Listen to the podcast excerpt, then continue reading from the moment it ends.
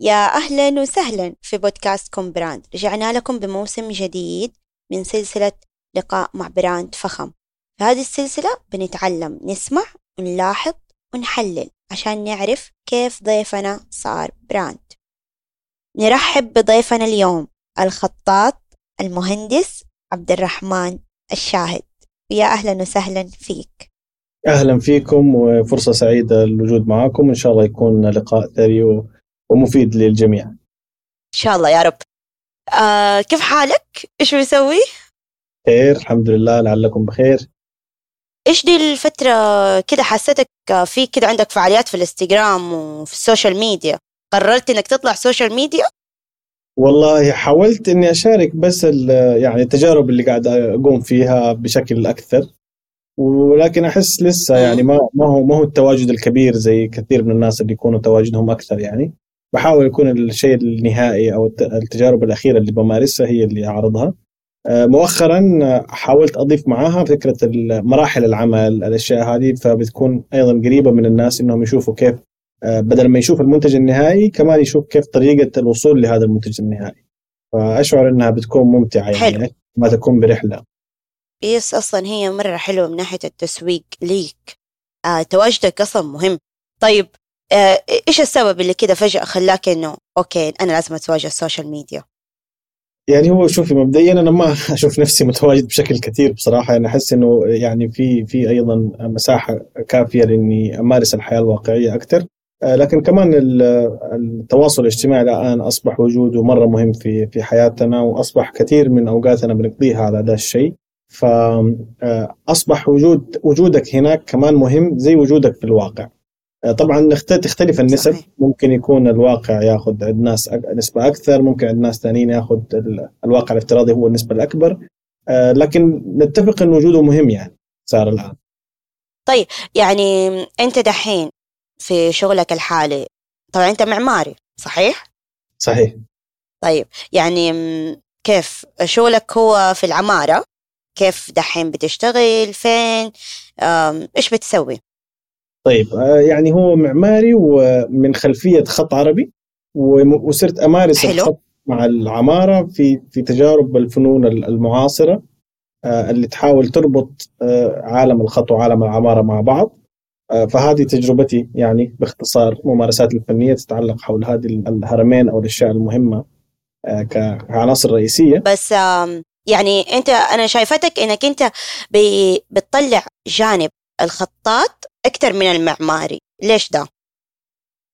آه سؤال مرة جميل. آه بسبب إنه أنا تعلمت الخط قبل العمارة. يعني أنا تعلمت الخط من سن مبكر وبعدين قررت إني أدرس عمارة. فبالتالي تجربتي كانت في الخط. يعني حتى لما درست عمارة آه، صح إني محضر دراسات عليا في العمارة وكذا ولكن أيضا يعني السنين اللي قضيتها في الخط هي أكثر من السنين اللي قضيتها في العمارة سواء كبكالوريوس أو كماجستير مع بعض. طيب حلو. على أساس إنك بدأت بدري أنت بدأت طبعا إنه أنت عمرك عشر سنين. فايش اللي دفك وخلاك تدخل في الخط وحمسك لفكرة انك تتعلم الخط؟ سؤال جميل جدا. دائما أرجع في هذه النقطة اللي بعد فضل الله اللي هو فضل الأهل. تشجيعهم آه، ودعمهم آه، المستمر. آه، الجدير بالذكر إنه كان أنا خطي في البداية يعني ما هو مرة الخط الجميل. آه، ولكن كنت أرى إنهم يشجعوني وكأني آخر حبة في في الحياة كخطاط. هذا الشيء إداني مسؤولية إنه أنا أنا كإنسان شايف إنه خطي بسيط. لما أشوف والدي ولا والدتي ولا أهلي يقولوا ما شاء الله خطاط ما شاء الله خطك حلو كيف كذا؟ آه تبدأ رسالة عكسية تجيني إنه أوه لازم أكون عند حسن ظنهم. فهذا الدافع الحقيقي اللي خلاني ترى أخش عالم الخط. يعني اللي خلاني أخش عالم الخط هو في المقام الأول تشجيع أهلي. يعني أتوقع آه، بدون الفيدباك أو بدون التغذية الراجعة منهم بهذا الشكل يمكن ما كنت آه، يعني توجهت إني أحسن خطي وبعدين طبعا تعلمت الخط آه، وأصبحت خطاط محترف فيما بعد. طيب جميل. طيب طبيعتكم كده في البيت قل لي شخصياتكم إنه كده أحس الجو اللي عندكم هو المحفز أكثر من أهلك تدفك لي دي الحتة أبوك معماري ولا إيه؟ ولا هو هو مهندس بس ما أعرف هل هو معماري؟ آه، والدي مهندس آه، تخصصه كان في الكهرباء يعني بالتخصص الدقيق حقه كان أوكي. أيوه تصريح الصواريخ والرادارات والأشياء هذه. فكان عقليته ما شاء الله عقلية رجل عظيم حقيقي. وأنا ربي من علي بإني كنت آه، في أهل رائعين. والدتي كمان الله يعطيها العافية هي طبيبة دكتورة. فالاثنين آه، كانوا دائما بيشجعوا فكرة العلم والاطلاع والقراءة والمعرفة والحصول واتوقع هذه البيئة كمان كان لها دور مرة مهم في تنشئتنا على إنه إحنا نكون نحب إن إحنا نتطور في العلوم المختلفة سواء أنا أو كأخواني وأخواتي. طب يعني إيش تتذكر كده الحتة اللي كان والدك ياخذك ليها ويقول يلا نعمل دي الحاجة فدي الأشياء اللي هي كونتك بدي الشخصية.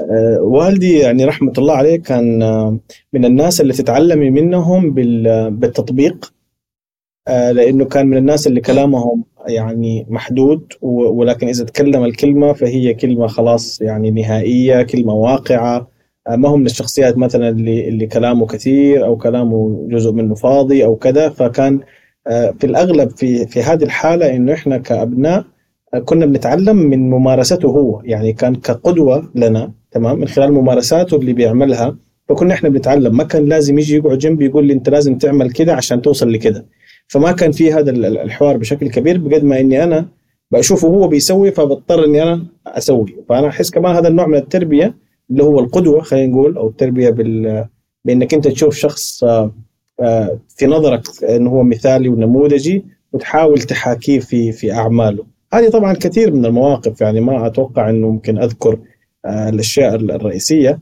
ولكن كان هو يمتاز بهذه الصفة في في التربية يعني.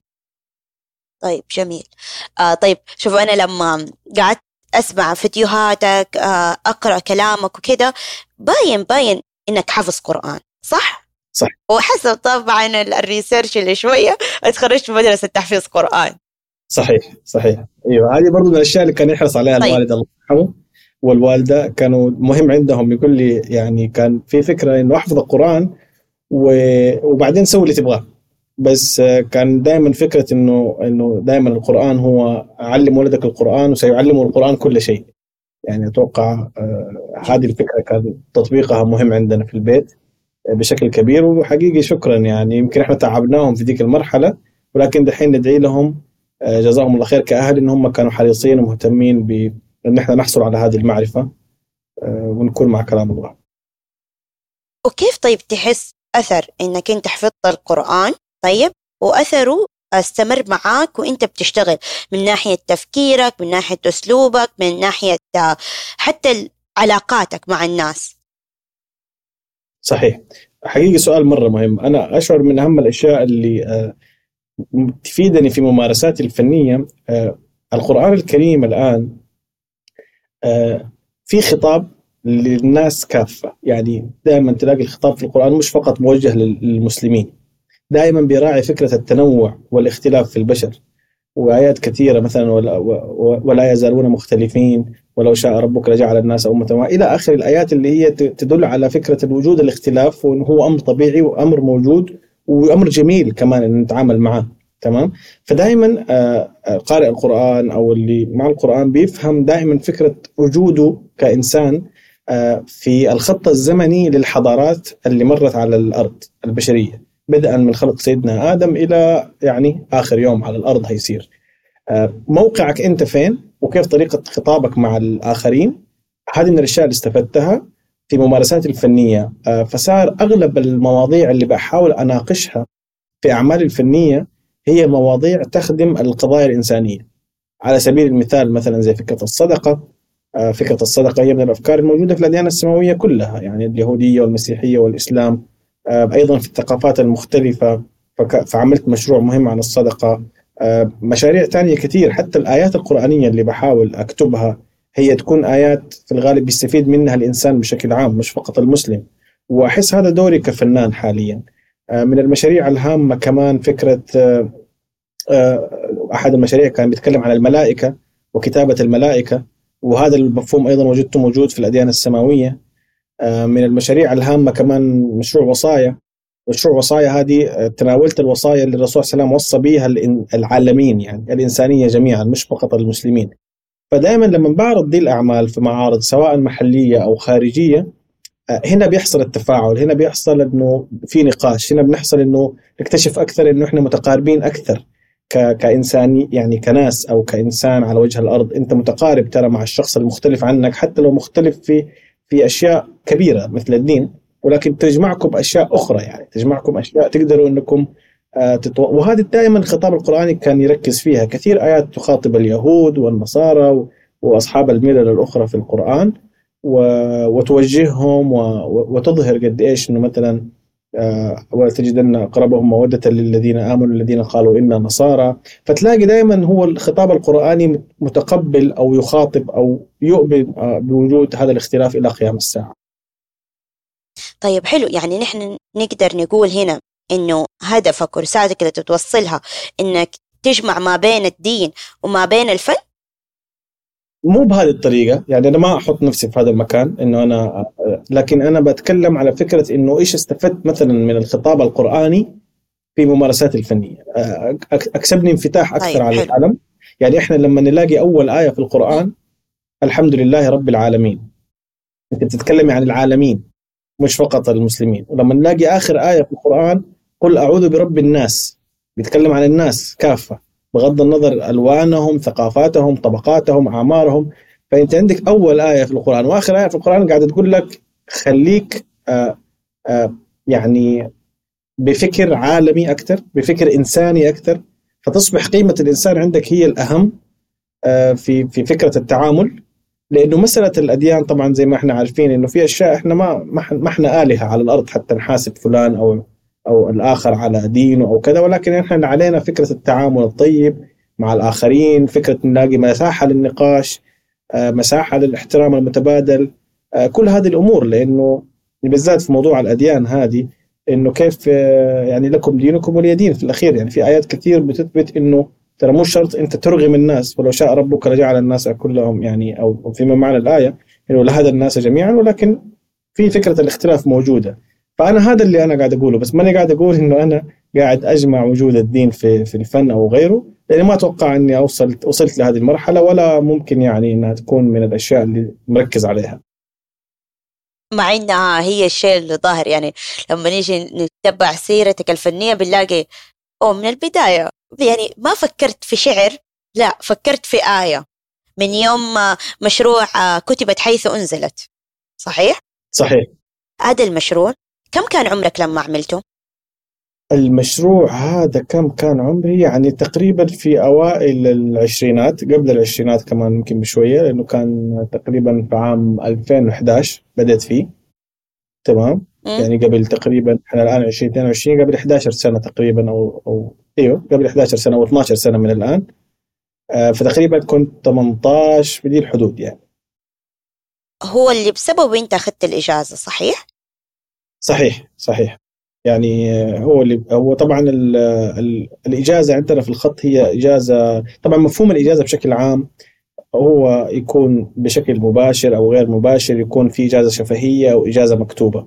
فأنا أتذكر إني آه، فزت بجائزة عالمية في الخط العربي اللي هي جائزة عكاظ. وبعد حصلت على المركز الأول على مستوى العالم وكان مشارك في هذه المسابقة تقريبا حول يعني خطاطين من 20 دولة حول العالم. وبفضل الله حصلت على المركز الأول تحت سن 20 سنة. فبعد هذه الجائزة أستاذي جزاه الله خير الله يعطيه الصحة والعافية أستاذ إبراهيم العرافي آه، قال لي أنت الآن مؤهل للإجازة ويعني زي أشبه إنه أعطاني القبول الشفهي لفكرة إني مجاز وأشتغل على مشروع حتى إني أحصل على الكتابة الإجازة المكتوبة. فجلست سنة أفكر. اي تفضلي. يعني عشان الواحد ياخذ إجازة لازم يعمل مشروع يثبت جدارته به صحيح؟ بالضبط في الخط العربي عندنا يعني الخطاطين مثلا بيتعاملوا بالأعمال الفنية بحيث إنه يكتب شيء فأستاذه يجيزه كتابة على هذا الشيء يقول له خلاص أنت الآن مثلا أجزتك أن تضع اسمك تحت كتاباتك وأن تقوم بالتعليم وإلى آخره وهي فكرتها يعني السماح بنقل المعرفة والعلم اللي عندك للآخرين يعني فكرة إنك أنت خطاط مجاز جميل. أن, أن تصبح قادرا على التعليم وفي, وفي لها وجه آخر أن تكون مرتبط بالسند والسند حق الخطاطين آه، في الغالب يرجع إلى كتبة الوحي الكرام. يعني تعرف الخطوط عندنا من الفنون اللي هي آه، تواصلنا فيها عن طريق التعليم والتلقين والوجادة. كثير من الأمور اللي ساهمت في إن الخط يوصل لنا آه، إلى يومنا هذا بعد 1400 سنة مثلا من حادثة تقرا أو أو نزول الوحي. طبعا إحنا بنأرخ بهذا الحدث لأنه هو عندنا في الخط الشيء اللي بدأ من عنده تجويد الخط. جميل. يعني قبل نزول الوحي كان في خط وكان العرب يكتبوا باقتضاب تمام؟ آه ولكن بعد نزول الوحي والأمر بالكتابة والقراءة وكذا أصبح هناك اهتمام أكبر بتجويد نفس الحروف. فإحنا نعتبرها الحادثة المفصلية اللي أدت لتنوع وظهور جماليات في الخط آه إلى عصرنا الحاضر. على سيرة الحدث المفصلي انت كنت الفترة اللي قبل تاخذ فيها الإجازة كنت بتمر بناس إنه يحطموك دائما صحيح؟ ويقولوا لك أنت إيش بتسوي وأنت ليش كده وما أعرف إيه وحتى كنت تشرد أظن من الحصص يعني قبل الحصص عشان تتعلم الخط. فحكينا عن ديك الفترة شوية. أوه وصلت للحصص كمان. أيوه يعني شوفي أنا آه، من الأشياء المهمة في في, في عالم الخط لما آه، البداية الاحترافية الحقيقية لي في الخط لما قابلت أستاذي أستاذ إبراهيم الله يعطيه العافية. فعرفت هو يدرس فين وقلت خليني أنا أكون ملازم له أكثر. فرحت آه، نقلت في المدرسة اللي هو يدرس فيها حتى إني أكون موجود معاه أقدر أصحح عنده أكثر دروس الخط سواء في الفسحة أو أو غيره. وأيضا كنت من النعم اللي اللي كانت عندي إن أنا كنت ساكن في نفس الحي اللي هو ساكن فيه. حلو. فكنت آه، في الصباح في المدرسة في الحصص الفاضية مثلا أو في الفسحة آه، أروح عند الأستاذ بالدرس تبعي يصحح لي ويعطيني درس جديد.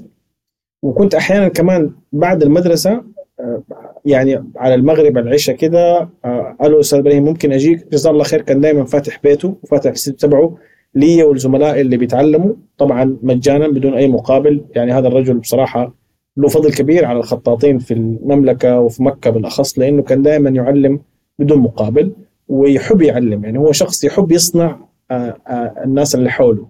جميل. فكان يعني 17 سنة وأكثر في الخط يعلم جزاه الله خير. فالمهم كنت دائما أنا أتواصل معاه سواء في المدرسة أو حتى خارج المدرسة إني أروح وأتعلم عنده. هذا الشيء كان يضايق ناس كثير في في المدرسة يعني. بدون ذكر أسماء أو مواقف حتى لا يكون الموضوع محرج. لكن كانوا هم مثلا يستغربوا لأن ما كنت أنا كعبد الرحمن لحالي كنا نكون جروب يعني فوق 15 شخص أو 10 أشخاص. آه، دول في كل فسحة عند الأستاذ بيتعلموا.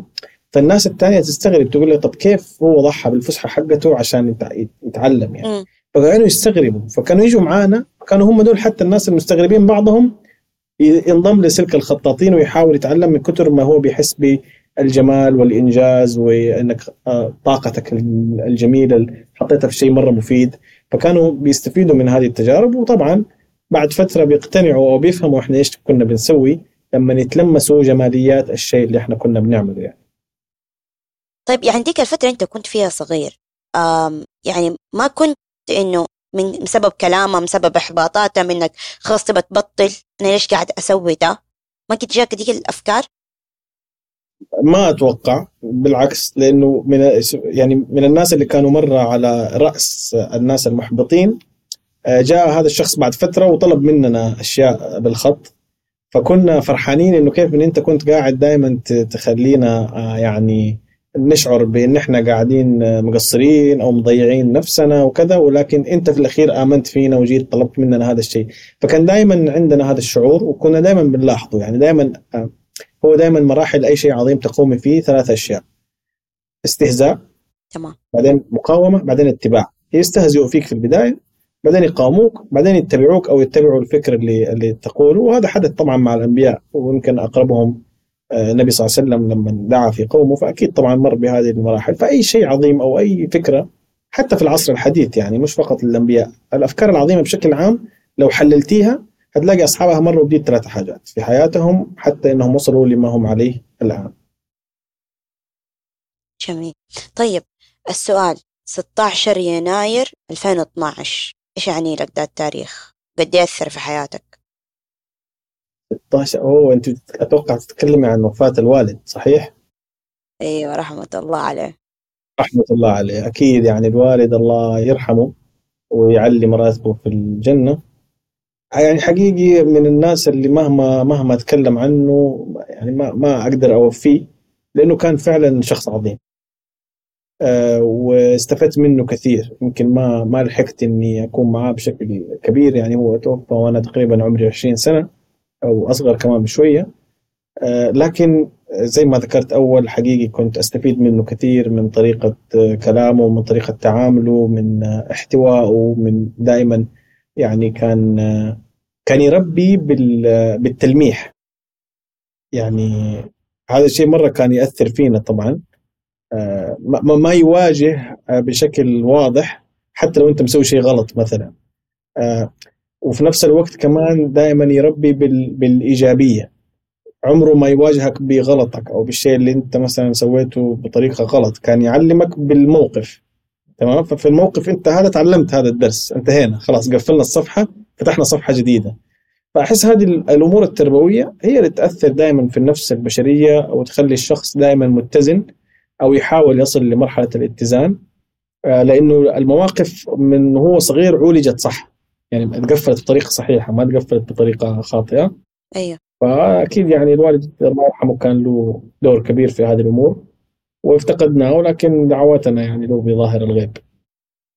الله يرحمه يا رب وسع مدخله يا رب. طيب في الفترة كده في فترة أنا أحس أنا ما أعرف يعني بس أحس هل في فترة مريت فيها إنه حسيت فيها بتشتت أو ضياع؟ يعني ما أعرف كيف أقدر أقول إنه أنا بس أكيد يعني كل إنسان مثلا فترة الجامعة أو بعدها أو قبلها كده في البداية ممكن ممكن بس يمكن ما تحضرني حاليا بس يعني ممكن إذا قعدت أتذكر أو افتكرت أكيد حوصل للمرحلة أكيد كل إنسان مر بدي تجارب طبعا لأن هي يعني بس بس يعني أنت ما تفتكر كده لحظة إنه لا أنا ديك الفترة أنا كنت فيها من جد هل أنا صح اللي أنا بسويه ولا لأ؟ إلا إلا مرت صح صح صح مرت مرت إي صح. هذه أتوقع أنا لما دخلت الجامعة أيوه. آه، في العمارة طبعا أنا يعني عملت المستحيل عشان أخش عمارة لأنه صبرت ودخلت أقسام تانية ورحت وجيت وكذا عشان بس أبغى العمارة والين وصلت لها. فلما وصلت لها كان كان في البدايات يعني متحمس على فكرة إدخال الخط العربي في العمارة. حلو. طبعا يعني أغلب مشاريعي أصلا في الجامعة كلها الخمس سنين كنت بحاول آه، أوجد هذا المساحة المشتركة. آه، هذا الشيء ما كان يعجب بعض الدكاترة.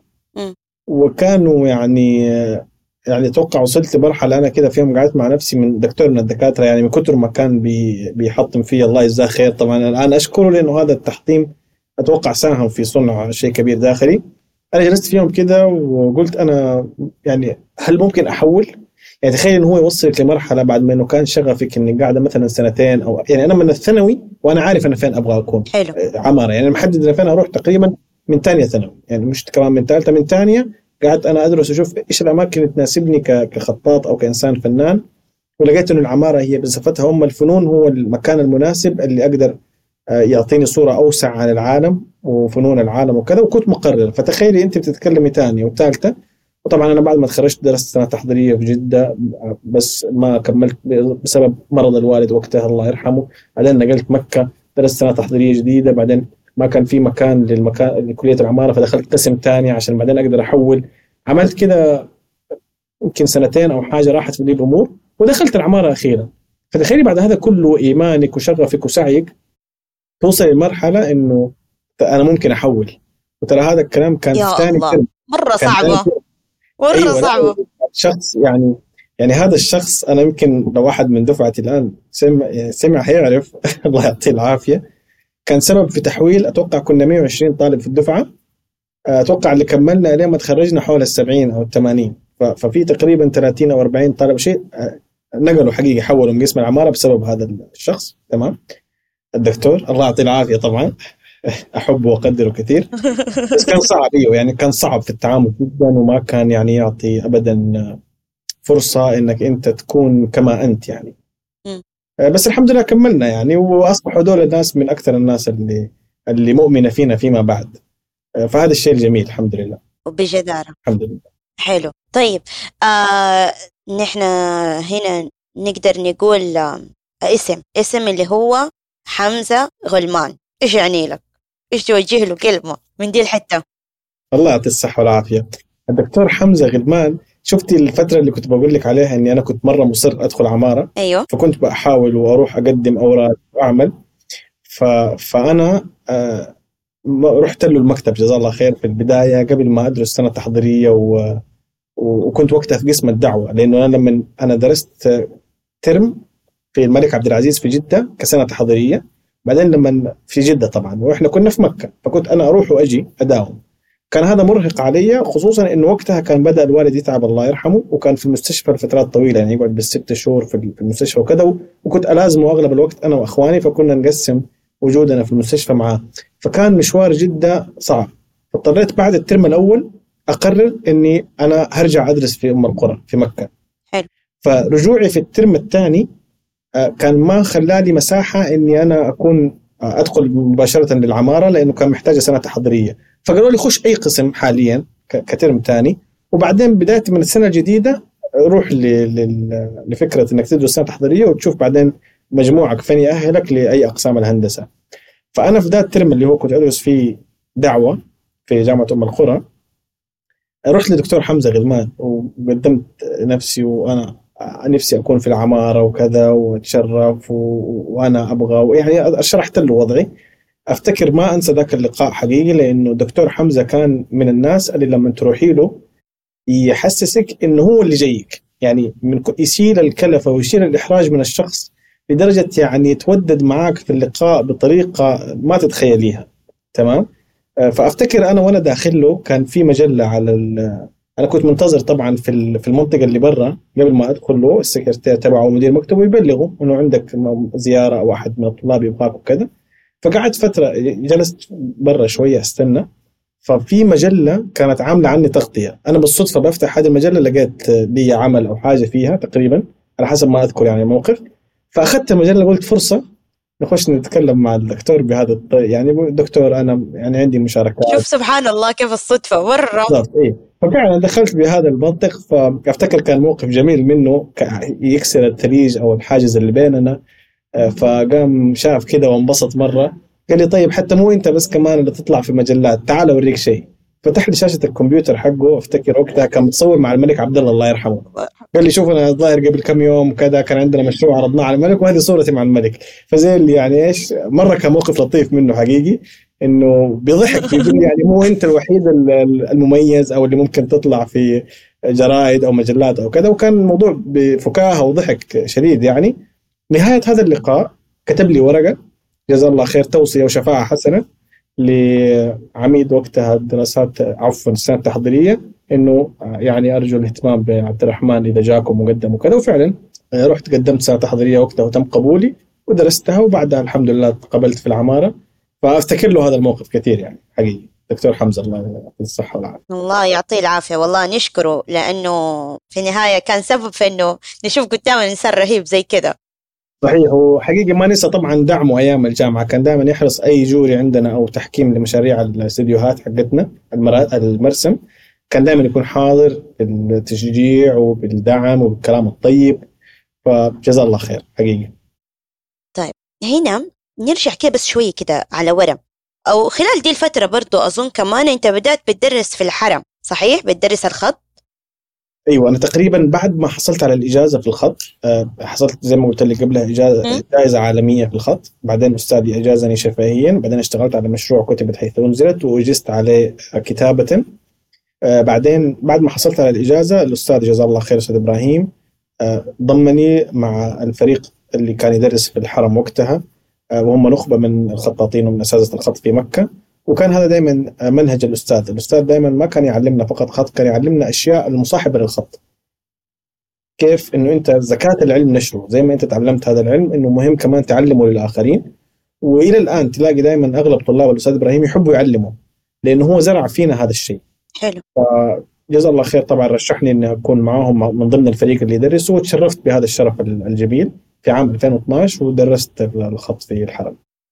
يعني كنت مرة صغير طب إيش شعورك في ذيك الفترة؟ ما كنت خايف؟ كيف كنت تتعامل مع الناس؟ يعني حكيني حكيني اديني كده تفاصيل.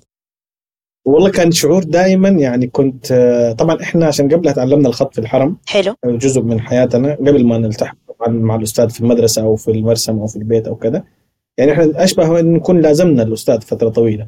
فكان دائما شعور الامتنان أصلا إنك تتعلم في ذا المكان هو هو لحاله يفوق أي شعور آخر. دائما كان إحنا عندنا فكرة إنه أنت في مكان طاهر المكان هذا قبلة المكان هذا كتبت الوحي كتبوا القرآن حولك هنا حول الكعبة في مكة مكان مقدس يرتبط بالكتابة بنشأة فكرة تجويد الخط زي ما ذكرت لك. آه، كيف إن أنت امتداد لهذا الاتصال؟ آه، كيف إنه هذا الفن هو فن آه، يعني مقدس لارتباطه بالقرآن الكريم. كل هذه المفاهيم لما كنا نتعلم في الحرم كانت تجينا يعني. تكون تكون تكون حاضرة عندنا تماما. فالحمد لله كمان لما ربي شرفني بالتدريس في الحرم هذا الشيء كمان يعني زاد أكثر. ولكن هو كان موجود من قبل أصلا إنه كنا فرحانين إنه إحنا بنتعلم آه، في حلقات الخط في الحرم. يعني كان هذا الشرف الحقيقي الاساسي في البداية. حلو. وأكيد التدريس طبعا هو مهم لنقل المعرفة للأجيال الآخرين. آه، فكان الشعور مكمل لما كنا إحنا عليه قبل. جميل. كيف تجربتك طب مع التدريس؟ يعني أنت كنت تعلم الطلاب؟ هنا كأستاذ أنت كأستاذ كيف هذا الشيء آه غير من حياتك؟ وإيش أضاف ليك؟ الجميل دائما في فكرة التدريس أو نقل المعرفة إنه المستفيد الحقيقي من هذا الشيء هو الأستاذ مش الطالب. لأنه أنت لما بتعلم فأنت بتعطي أفضل ما عندك فهذا بيثبت أصلا المعلومة عندك. يعني, حلو. يعني هذا في المقام الأول مستفيد بشكل كبير. فأنا آه، بدأت أفهم مثلا أخذك في تفاصيل شوية في مسألة الكتابة. في تفاصيل حروف بدأت أفهمها أكثر لما أشرحها لغيري. حلو. في فكرة التدريس. فقد يكون هذا الشيء من بركة التعليم. م. يعني من بركة التعليم أو التدريس أو نقل المعرفة إنه فعلا أنت كشخص بتستفيد في المقام الأول. لأنه أول شيء بتراجع المعلومات اللي عندك ثاني شيء بتحاول تطور هذه المعلومات حتى إنك تعطي آه هذه المعلومة للي أمامك على طبق من ذهب أنت بتختصر له. يعني هي فكرة المعلم إنه بيختصر الطريق على الطالب. يقدر الشخص يتعلم فنون كثير يقدر يتعلمها لحاله صح؟ بس ممكن ياخذ وقت. فكرة إنه يكون في معلم بيختصر لك. الشيء اللي ممكن تتعلمه أنت في سنة ممكن المعلم يعطيك هو في يومين ممكن يعطيك هو في يوم واحد. صحيح. لأنه هو مشي قبلك هذا المشوار راح هذا المشوار قبلك قاعد في مدة أخذ جاب الخلاصة وقدم لك إياها على طبق من ذهب. فهذا اللي هذه هذه القيمة الكبيرة اللي تكسب المعلم آه، التواجد وأهمية وجوده في حياة أي علم الطالب هيتعلمه بالأخص الخط العربي. لأنه عندنا الخط في أسرار كثيرة تظهر فقط عندما الأستاذ يكتب يعني في تحركات القلم آه، مرة مهم فكرة المشاهدة آه، في التلقي والمعرفة. من الفنون اللي هو التطبيقية خلينا نقول. يعني حتى الاونلاين دحين تحسه ما يعطيك نفس الشعور اللي اللي لما أنا أكون مع الأستاذ في نفس الدقيقة بتعلم منه. لأن أنا شايفة نفس فكرتك هذه من قبل عشر سنين هي نفسها أنت مؤمن بها فيعني معناته طب الوضع اللي نحن فيه الحالة أيوه. بيختصر. شوفي دائما التقنية وجودها في حياتنا هو بيساعدنا بشكل أو بآخر. بيساعد. تمام؟ حلو. وتظل أيضا م. قيمة الأشياء المباشرة أو المجسدة هي هي الأعمق والأهم عندنا. آه، بالنسبة مثلا أنا كخطاطين إذا بتتكلم عن لوحة أصل مكتوبة بالحبر أمامك شفت التكات شفت كل التفاصيل لمست الورق ثكانه آه، الحبر تحكمت يعني كل هذه الأمور أنت كمان لما تشاهدها غير لما تشوفها عن بعد. يعني عن بعد ممكن في بعض التفاصيل ما تظهر لك. مو زي لما انت تلمس. في بعض الورق عندنا مثلا يكون خشن. صحيح. لما ألمس يتعبني في الكتابة. مم. فأبدأ اللمس يبدا يديني انطباع إنه أنا محتاج أحط عليه مادة مثلا حتى إني أنعمه أكثر حتى إنه يكون سهل بالكتابة. فهو هذه التفاصيل البسيطة اللي ممكن تفرق إنه ممكن المباشرة آه، تختصر وقت. آه، ولكن أيضا التعليم عن بعد آه، مهم. موجود وبيحل مشكلات كثيرة يعني. طيب على سيرة التعليم عن بعد تجربتك مع العام الخط العربي.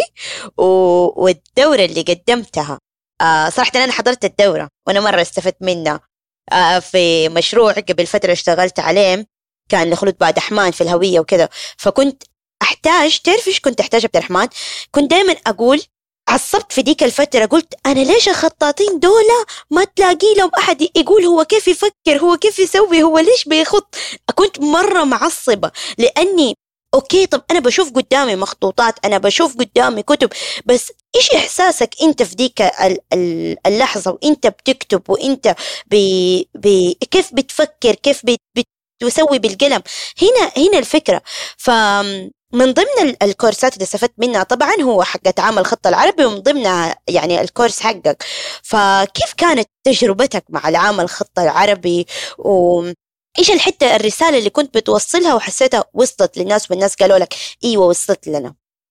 آه، سؤال مرة جميل. طبعا في البداية بنشكر طبعا جهود سمو وزير الثقافة وزارة الثقافة وحكومة المملكة بشكل عام على اهتمامهم بدعم المشهد الفني للخط العربي وإطلاق عام الخط العربي 2020 2021 إحنا كخطاطين أو كممارسين لهذا الشيء آه، استمتعنا واستفدنا من التجارب هذه. وطبعا بعدها تلاها آه، إعلان إطلاق مركز الأمير محمد بن سلمان العالمي للخط العربي ما تتصوري قديش هذه الأشياء طبعا بتشجعنا كخطاطين وكمنتمين لهذا الفن كباحثين أو غيره لأنه آه، الجهود الآن بتبدأ توحد وتدعم يكون لها زي مظلة ترعاها وهذا الشيء حقيقي يضيف كثير لفن الخط العربي. آه، من ضمن الجهود اللي صارت في عام الخط العربي إنه أقيمت آه، في منصة الظاهر عملوها عن بعد اسمها منصة الخطاط. كانت بتقدم دورات لأساتذة متعددين في الخط العربي. كل أستاذ في تخصصات آه، تخصه من خلال الخط سواء التقليدي أو الخطوط آه، كيف استخدامها بالكمبيوتر أو الأشياء الفنيات الأخرى يعني. كانوا يركزوا كمان على الخط العربي والفنون المصاحبة والتجارب المعاصرة. صحيح. فتم اختياري لتقديم دورة علاقة الخط العربي بالعمارة وهي ضمن التجارب المعاصره للخط العربي وقدمتها فعلا زي ما تفضلتي ومتاحة أونلاين أتوقع للآن. آه، وكانت تجربة جميلة لأنه آه، قدرت آه، أحاول أوصل فكرة كيف المنهجية حقت العمل. يعني مش فقط إنك تشوف الشكل أو المنتج أو المبنى في شكله النهائي ولكن كيف الطريقة اللي كخطاط وكمعماري أجتمعوا مع بعض وتناقشوا فيها ووصلوا لها. طبعا هذا في حالة كان إنه الخطاط بمنأى عن المعماري وكانت في حالتي أنا آه، نعمة ربي علي إنه كنت يعني خطاط ومعماري في نفس الوقت فقدرت أختصر شوية هذا الطريق آه، للناس المهتمة إنها تتعامل بالخط العربي مع العمارة. فهذه كانت يعني باختصار نبذة عن الأشياء اللي أو السؤال اللي ذكرتيه. والله صراحة الله يزيدك من فضله من جد حقيقي يعني طريقة تفكيرك طريقة عرضك للمعلومة طريقة شرحك. هذه شيء مميز وهبة يعني سبحان الله مو مو لأي أحد حقيقي يعني. طيب نحن على سيرة الحكومة وهي دائما بتدعمنا في في الخط العربي. طبعا في شيء اسمه موهبة اللي هو بيدعم الطلاب الموهوبين وبيدخلوا تحته وبيتعلموا. فأنت رحت فيه وتعلمت من ضمنه أتوقع الخط العربي. صحيح معلومة دي ولا نعم أفتكر من الأشياء اللي كنت يعني بالضبط كانت فكرة المراكز الصيفية أو مركز الهوايات أتوقع كان اسمه. حلو. هذا الكلام في أواخر المرحلة الابتدائية وبدأ والمرحلة المتوسطة بدايتها. كانوا يقيموا هم دورات فعلا في كل صيف في فنون مختلفة في الكيمياء في الخط في الكاراتيه أشياء متعددة. فكان من ضمنها طبعا كنت مهتم في دورة من الدورات بالكيمياء. بعدين لما بدأت أستمتع بالخط طبعا حولت وصرت دائما أدخل كورسات الخط في في في مركز الهوايات. حلو. يعني كان ليها دور كبير يعني نعتبر جدا. أو دور يعني في في حياتك يعني مرة ده شيء جميل. طيب تعرف هذا الموقف أخواني قاعدين أقول لهم بيقولوا لي آه قاعدين يقولوا ليش ما دخلتوا زي عبد الرحمن في ديك الفترة خط عربي؟ ليه رحتوا تعلمتوا إنجليزي؟ فقاعدين نضحك على ده الموقف برا أنا سمي موقف على سيره تفضل. أيوه أيوه قول قول تفضل. هو له علاقة بتساؤلك. أنا أنا تقريبا كنت ثلاث سنين متوالية أحضر في هذا المكان اللي هو مركز الهوايات كل صيف. ففي أول مرة أنا بشوف البرامج اللي بيقدمها المركز فلقيت فيها طبعا خط عربي وأشياء ثانية فوقتها كان بادئ خطي يتحسن. فقلت لا خلاص أنا ما هاخذ خط عربي أنا هروح كيمياء. وفعلا وقتها أخذت دورة كيمياء. فكنت طول الصيف آه، طبعا من هناك أنا تعرفت على أستاذي أستاذ إبراهيم العرافي. وكنت أنا خلاص في الكيمياء وهو في الخط بيدرس الطلاب وكذا لكن أنا علاقتي فيه الآن يعني ما في أي علاقة لأنه أنا في في مجال غير المجال اللي هو بيدرس فيه. أفتكر جمعت جمعنا الحفل النهائي حق هذا الملتقى كان هو أستاذي من أصحاب الأصوات الجميلة. فكان النشيد أو الإلقاء أو المسرحية اللي هتصير في الحفل الختامي هو بيشرف على جزئية فيها في, في الصوت. وكنت أنا موجود المفترض إني قاعد ادي جزء من هذه المسرحية. فوقتها عرفت وعرفت الأستاذ وبعدين قلت أنت ضيعت على نفسك يعني وقت طويل في في الكيمياء لو كان من أول دخلت خط وقلت خلاص السنة الجاية أنا راح أكون مع الأستاذ في الخط. لأنه بهرني كيف تعامله طريقة تبسيطه للأمور علاقته مع طلابه. السنة اللي بعدها ما كان موجود فكان في طلابه. أذكر منهم الزبير ومحمد مجدي الزبير الماضي ومحمد مجدي. فدخلت عندهم وعلموني واعتبروا من أوائل من علمني الخط. وقلت لهم يا جماعة عشان أكون صريح معاكم يعني أنا كنت داخل عشان الأستاذ إبراهيم فينه؟ أيوه فقالوا لي إحنا مكان الأستاذ لكن لكن إذا يعني خطك متقدم إحنا المكافأة حقتك إن نوديك للأستاذ ففعلا وقتها عملنا لقاء مع الأستاذ وخلوني معاهم لي ورحت وقالوا له عبد الرحمن خطه كويس ومستواه وهو كان داخل عشان يكون موجود معاك وكذا وهنا بدأت علاقتي الحدث في هذا اللقاء سألت الأستاذ قلت له أنت فين مكانك؟ فين بتدرس؟ قال لي بدرس في مدرسة أبي زيد الأنصاري لتحفيظ القرآن على طول في نفس الإجازة دي رحت أنا اخذت ملفي وقتها ونقلت في المدرسة اللي هو فيها حتى إني أكون متابع مع الأستاذ بشكل كبير. ففعلا أنا برجع لسؤالك في البداية إنه أنا في البداية ما كنت أعرف إيش أهمية وجود الأستاذ أو هذه الدورة أو هذا الكورس ولكن من خلال تجربتي عرفت أهميته وأصريت إن السنة اللي بعدها أكون في ذا المكان. حلو. والله شوف هو من جد لما يكون في شخص يختصر لك الطريق أنت أنت ترتاح. يعني أنا حاليا شوف نحن نحن عندنا في في البيت وفي العيلة وكده اللي تروح وتتعلم بنفسك وتجرب وما اعرف إيه وتندق وما أعرف إيه بس إنه في النهاية أنت حتتعلم. طيب صرت دحين لا قدرت إنه قيمة إنه يكون عندي أستاذ. okay أنا مستعدة أدفع. حتى لو على إنه آخذ كلمتين مقابل إنها تختصر لي جهد كثير لا أنا حدفعها عشان هذه هذه الحتة. فدي الحتة اللي, اللي, اللي لازم الناس يستوعبوها. وكيف تختصر لهم ذا الطريق؟ إني أركز عليها كده حطوا قدامكم كده دائرة كبيرة موجودة أستاذ يختصر لنا الطريق. مرشد. دحين صار في المرشد الشخصي اللي يسموه بعض الأحيان جايد إيه آه إيش كمان؟ كده يعني في كده أسماء كثيرة للناس اللي يعلمونا في ومستشار. آه فمهمة مهمة صارت في, في الحياة. مو بس تعتمد على على نفسك. نفسك توصلك بس لحتة معينة وبعدين نحتاج معانا شخص ثاني. أتفق معك. طيب على سيرة. هذا سؤال. إيش يعني لك ذا الاسم؟ عبد الله فلمبان عبد الله فلمبان حبيبي وصديقي وأخويا خلينا نقول يعني آه، يعني شوفي مراحل كثير عبد الله نعرفه من واحدة من هذه المراكز اللي حكيتك عنها تتكلمي في المتوسطة. ناهيك يعني إنه إحنا ساكنين كنا بحاره واحدة في مكة.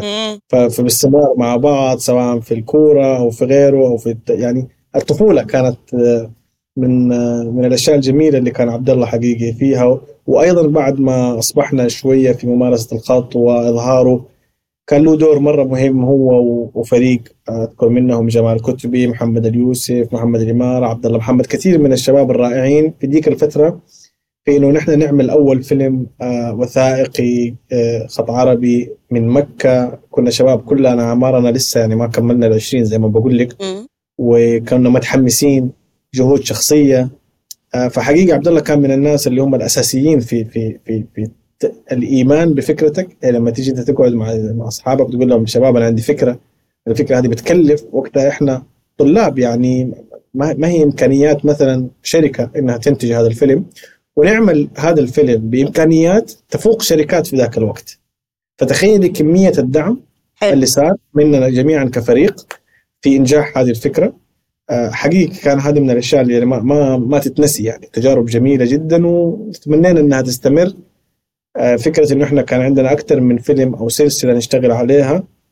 ولكن أنت عارفة ما شاء الله مشاغل الحياة وبعدين كل واحد اللي تزوج واللي كمل شغل في مكان ثاني فأصبحنا نتواصل يعني من بعيد لبعيد. آه، بس ما كان طبعا زي لما كنا يوميا مع بعض. صحيح.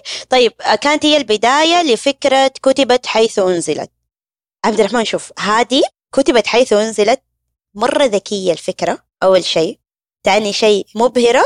وبعدين كنت صغير يعني ما شاء الله تبارك الله.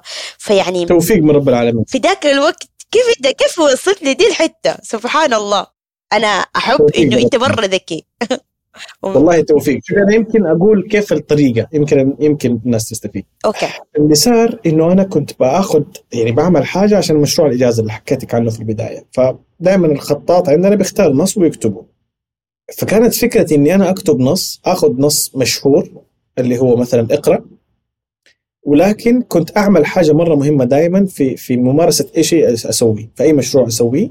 أحب دائما أشوف التجارب المشابهة اللي سبقتني في عمل هذا الشيء حلو طبعا إحنا الخطاطين نحب كلمة اقرأ دائما يكتبوها بكثرة كل خطاط مثلا تلاقي عنده عمل عملين ثلاثة عن هذه الكلمة لأنه زي ما قلت لك هي أول الوحي وكلمة مهمة جدا في آه، تجويد الخط العربي كمرحلة. الحاصل إني جمعت وقتها أفتكر خلاص أنا قررت إني أكتب اقرأ. آه، كعبد الرحمن طب إيش الإضافة اللي هضيفها؟ أنا ما أبغى أكتبها زي أي خطاط، يعني ما أبغى إنه مثلا 100 خطاط كتبوا اقرا أصير أنا 101 حلو. فهمتيني؟ فجمعت الخطاطين اللي كتبوا اقرا كلهم وقتها آه، اللوحات حقتهم طبعا وقعدت أدرسها.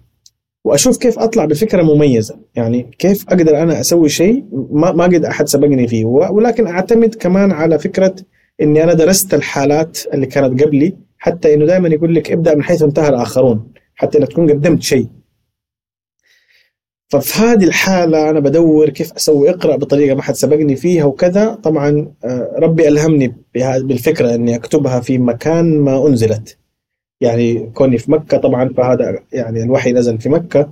ونعرف المكان اللي نزلت فيه اللي هو آه، جبل النور أو غار حراء. فربي ألهمني وقتها.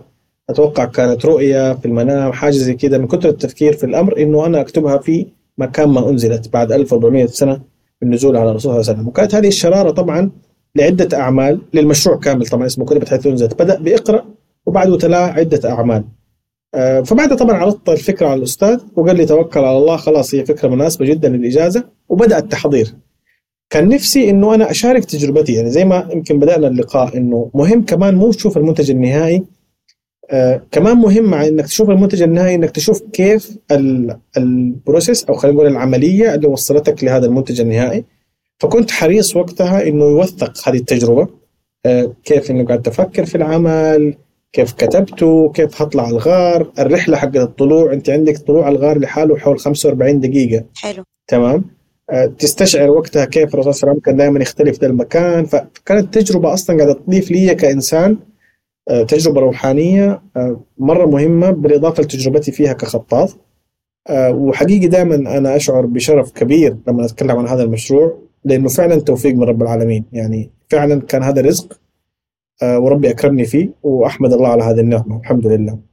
فأرجع لفكرة أنه فكرة التوثيق حق العمل اللي هو الفيلم. إحنا عملنا فيلم 20 دقيقة. هذا اللي كان عبد الله جزاه الله خير والشباب اللي ذكرت أسمائهم وغيرهم. كان لهم دور مرة كبير في إن إحنا نصنع فيلم في ذاك الوقت وكان يعرض على اليوتيوب وعر- وعرض في عدة أماكن في الكويت وفي جدة و... والحمد لله كان في قبول رائع يعني. ولين دحين استمرت الفكرة صح؟ أنت عملت كأنه تعاون مع وزارة الثقافة على نفس ال- الكونسبت وزارة الثقافة دعمتني قدمت لهم مقترح على أساس كان عندهم معرض في عام الخط العربي. حلو. وقدمت لهم مقترح إني أعمل من أواخر الآيات اللي نزلت في القرآن. اليوم أكملت لكم دينكم. واتممت عليكم نعمتي إلى آخر الآية. طبعا هذه نزلت في حجة الوداع على الرسول صلى الله عليه وسلم لما كان في جبل الرحمة. وفعلا جزاهم الله خير يعني آه، آه، استحسنوا الفكرة. ودعموني في إنتاج القطعة اللي هي الأخيرة اللي هي كانت هذه الآية. وطبعا قبلهم أذكر جهود مرة مهمة في حكومة الشارقة. كان عندهم آه، ملتقى الخط العربي وطرحت عليهم الفكرة إني أنا أنتج خمسه قطع من المشروع. جميل. آه، طبعا أنت عارفه موضوع التصوير آه، مكلف فريق عمل بيروح معاك اختيارك للآية للمكان المونتاج كل دي الأمور. فحكومة الشارقة جزاهم الله خير ممثلة في ملتقى الخط العربي دعموني بإنتاج خمسة قطع من المشروع. ما شاء الله تبارك الله. والخمس قطع هذه آه، أنتجت وأرسلت للمعرض ولكن وقتها كان كورونا. يعني وقتها كان 2020 مم. فألغي المعرض في ذيك السنة فرجعت لي الأعمال ثاني مرة. فبعدها مباشرة اللي هو وزارة الثقافة لما عملت ملتقى الخط العربي فعرضت لهم واحد من دي الأعمال على أساس إنهم يدعموا وجوده في المعرض وكان فعلا دعموا وجوده وعرض مع وزارة الثقافة في المتحف الوطني في الرياض. بعدين مؤخرا في طب الاعمال هذه الباقية الأربعة ما حتنزلها؟ ما نزلتها عرضتها في معرض الشخصي الأخير آه اللي هو كان طبعا أيضا okay. يعني كان بالتزامن مع جهود المملكة وبمشاركة الدول العربية في تسجيل الخط العربي في اليونسكو آه كيوم للخط العربي أو أو كفن هو دائما آه من الفنون اللي تحتفل فيها آه سنويا فكان في إطلاق هذه المبادرة أقمت معرض شخصي بعنوان كاف لام ميم فعرضت الأعمال في المعرض. يعني الخمسة قطع كاملين عرضوا في المعرض الشخصي تبعي. يعجبني حتى ده الشيء لاحظته إنه كيف أثر القرآن. يعني من جد لما أنا قلت هذا حافظ القرآن حافظ القرآن متأكد مليون في المية قبل لا أنا أعرف لأنه حتى كاف لام ميم يعني من زي الحروف المقطعة اللي في القرآن. فدائما كده في عندك اختيارك للعناوين صراحة رهيب. يعني أهنيك يا ما شاء الله تبارك الله. حقيقي. وبذكر كاف لميم ما أنسى جهود ال ال ال الجهة اللي آمنت في هذه الفكرة اللي هم ممثلين في معرض حافظ وحافظ جاليري. Okay. وأيضا في الدكتورة لينا قطان لأن الدكتوره لينا قطان كانت هي معايا أيضا في التنسيق للمعرض وفي تقييم الأعمال المعروضة والأفكار وكنت بتناقش معاها على مدار ثلاثة شهور في كيفية إخراج هذا المعرض آه للنور وكان لها حقيقي آه استفادات كبيرة جدا علي هذه المناقشات. ومنها طبعا طلعنا بفكرة آه، كاف لام ميم. كاف لام ميم طبعا هي يوحى إليك في البداية إن هي تشبه للحروف المقطعة. لكن في سر لاستخدام اسم المعرض بهذا الشكل. طبعا كاف لام ميم هي ثلاثة أحرف منفصلة. صحيح. ترتيبها في الحروف الهجائية. كلام. أي بالضبط. هي ترتيبها في الحروف الهجائية ورا بعض. م. ولما تتوصل تكون جذر للكلام اللي هو كلمة تمام؟ آه الخطاط بشكل عام هو بيتعامل مع الكلام. فلذلك كان هذا المدخل لأنه أنا تجاربي في المعرض كان لها علاقة دائما بال بخروج الخط العربي للتجارب المعاصرة أكثر وإنه يكون في مفهوم من وراء طرحك للعمل الفني مش مجرد إنك تكتب حبر على ورق وتعرضه بطريقة جميلة. صحيح. الخط العربي في بعد أبعد من ذلك كمان أبعد من الجماليات فكرة الرسالة اللي بيوصلها آه هذا العمل. وهذه كانت أغلب يعني هذه الصفة اللي تغلب على أغلب الأعمال اللي عرضت في المعرض. والله أنت بتفكرني بآية أفلا يتفكرون؟ فربنا كان يقول آه، ويتفكرون يعني ذكرت مرة كثير في, في القرآن آه في مواضع كثيرة. فأنت من الناس اللي يتفكروا ونحن هذا اللي نباه نبى الجيل الجديد لما يسوي حاجة مو بس حلوة حلوة كل الناس يقدروا يسووا حلوة بس مين اللي يقدر يسوي شيء يخلي الناس يتفكروا؟ يخلي الناس يتفكروا ب ب بشكل عميق ويوصلوا لحتت أبعد من ال... من اللي نحن بنشوفه بعيوننا. بس لأنه نحن في ذا الوقت بن... بنمر على كل شيء بسرعة بسرعة بسرعة بسرعة. آه طيب متى نحن نوقف في دي اللحظة ونبدأ نتفكر في الشيء اللي اللي بيصير قدامنا والعمل اللي يتقدم؟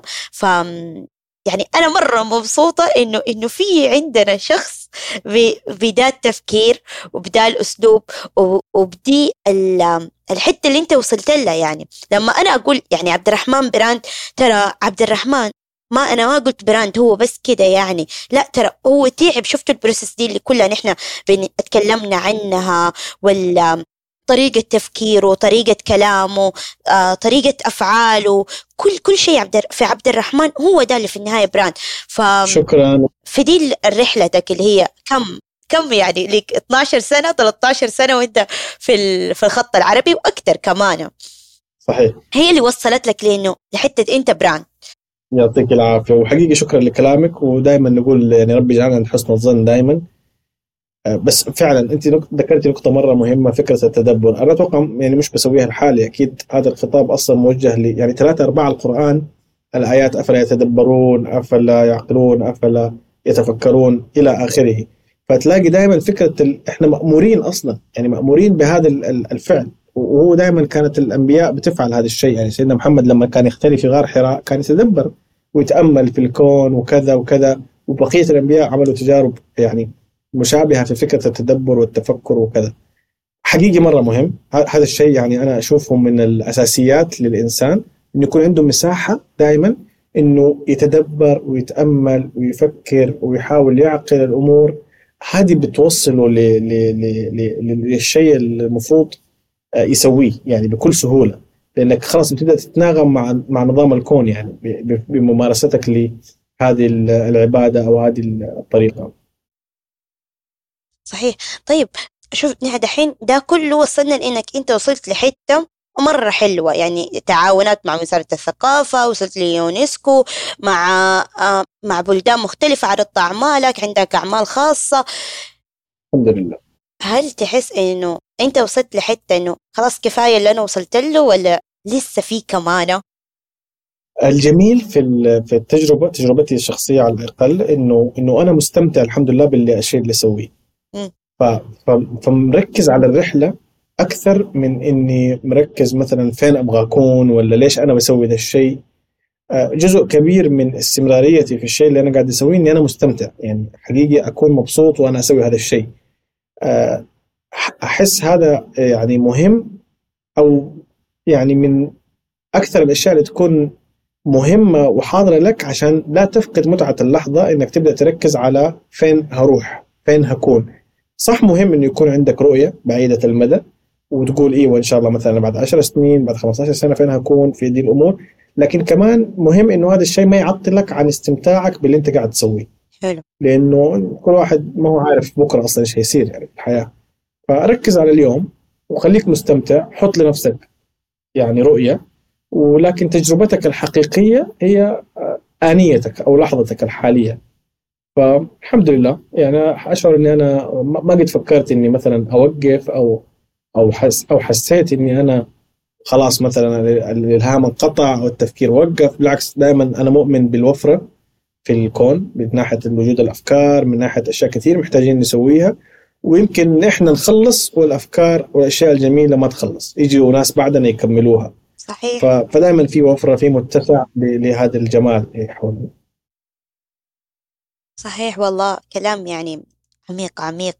إن إحنا إذا إذا استشعرناه وبدأنا نطبقه في حياتنا حنبدأ نكون مرتاحين في الحتة اللي نحن بنشتغل فيها وفي الحتة اللي, اللي قدام لسه آه حتواجهنا. لأنه صار أصعب شيء الناس يواجهوه في الحياة إنه خلاص أنا وصلت لحتة فلانية أنا أنا ختمت كل شيء أنا ما أنا اللي دحين أستحق دي الحتة اللي وصلت لها. نستحقها بس نحن لسه قدامنا كثير و... وفكرة إن نعرف إنه لسه قدامنا كثير هي اللي حتخلينا دائما متعطشين للفن دائما متعطشين لل... للإبداع دائما آه عندنا شيء جديد. صحيح؟ طيب عبد الرحمن مش مهندس مين عبد الرحمن؟ كذا في جملة مختصرة. يعني ماني عارف شكله سؤال فلسفي. بس حاليا يعني عقلي قاعد يفكر في الأمور بشكل مباشر. ما ما, ما هو عنده أي تفاصيل لإضافة أي شيء يعني له علاقة به. بس عبد الرحمن هو عبد الرحمن يعني. طيب أم... طيب إيش تصف نفسك دحين في دي اللحظه؟ أوصف نفسي إني إنسان. إنسان. أيوه إنسان يعني أنتمي للإنسانية بشكل كبير. أيوه.